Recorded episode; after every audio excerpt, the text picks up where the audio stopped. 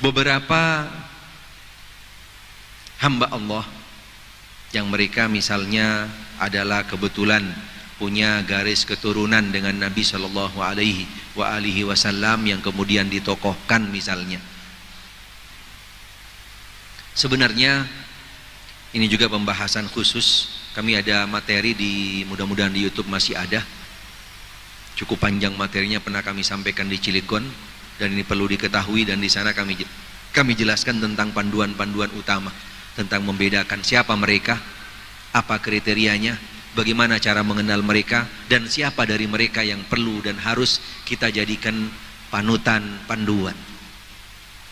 Karena tidak semua hanya dengan sekedar yang namanya punya garis keturunan, tetapi di dalam aplikasinya, di dalam mereka membawa daripada keturunan tadi itu tidak sesuai dengan asalnya yaitu Nabi kita Muhammad sallallahu alaihi wa alihi wasallam sehingga tidak menjadi mutlak bagi kita untuk menjadi menjadi panutan.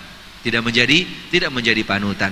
Yang jelas panutan kita yang paling utama adalah Nabi sallallahu alaihi wa alihi wasallam. Kemudian kebenaran yang datang dari Nabi yang dilanjutkan oleh generasi yang mulia. Siapa pun mereka daripada yang membawa daripada kebenaran ini. Yang jelas panutan kita yang paling utama adalah Nabi sallallahu alaihi wa alihi wasallam kemudian kebenaran yang datang dari Nabi yang dilanjutkan oleh generasi yang mulia siapa pun mereka daripada yang membawa daripada kebenaran ini siapa pun mereka daripada yang membawa daripada kebenaran ini. Ketika kebenaran itu datang dari salah satu orang yang memang punya garis keturunan, paling tidak mereka yang mungkin punya kelebihan, punya bonus yang datang yang diberikan oleh Allah Subhanahu wa taala. Karena seseorang punya yang namanya garis keturunan tidak pernah dengan yang sifatnya meminta karena itu adalah anugerah karunia dari dari Allah Subhanahu wa taala. Sehingga perlu kita bisa memposisikannya masing-masing. Mereka-mereka yang punya garis keturunan, yang mungkin belum mendapatkan hidayah, yang masih jauh dari sunnah, kita doakan mudah-mudahan Allah Ta'ala kembalikan mereka kepada asalnya, yaitu kepada garis keturunan yang asal daripada mereka, yaitu Rasulullah Sallallahu Alaihi wa alihi wasallam.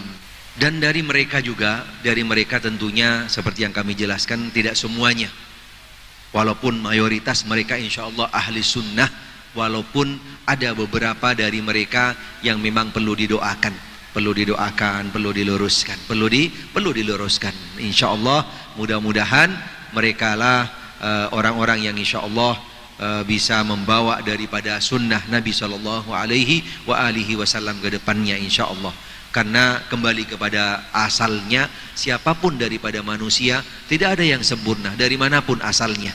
Karena dengan hanya sekedar garis turunan tidak memberikan kelebihan.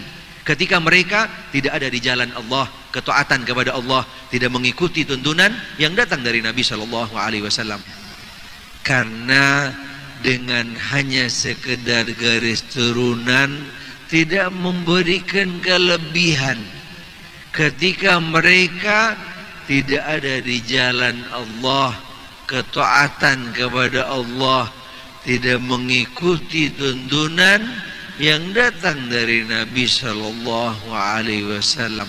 Faman abta'a fala yusri' lahu nasabuh. Ketika mereka memang tidak sesuai di dalam membawa, di dalam me menjalankan apa yang datang dari agama Islam dengan nasabnya tidak akan bisa memberikan peringkat lebih kepada mereka. Tidak ada. Karena pada pada dasarnya kembali kepada firman Allah Subhanahu wa taala, "Inna akramakum indallahi atqakum."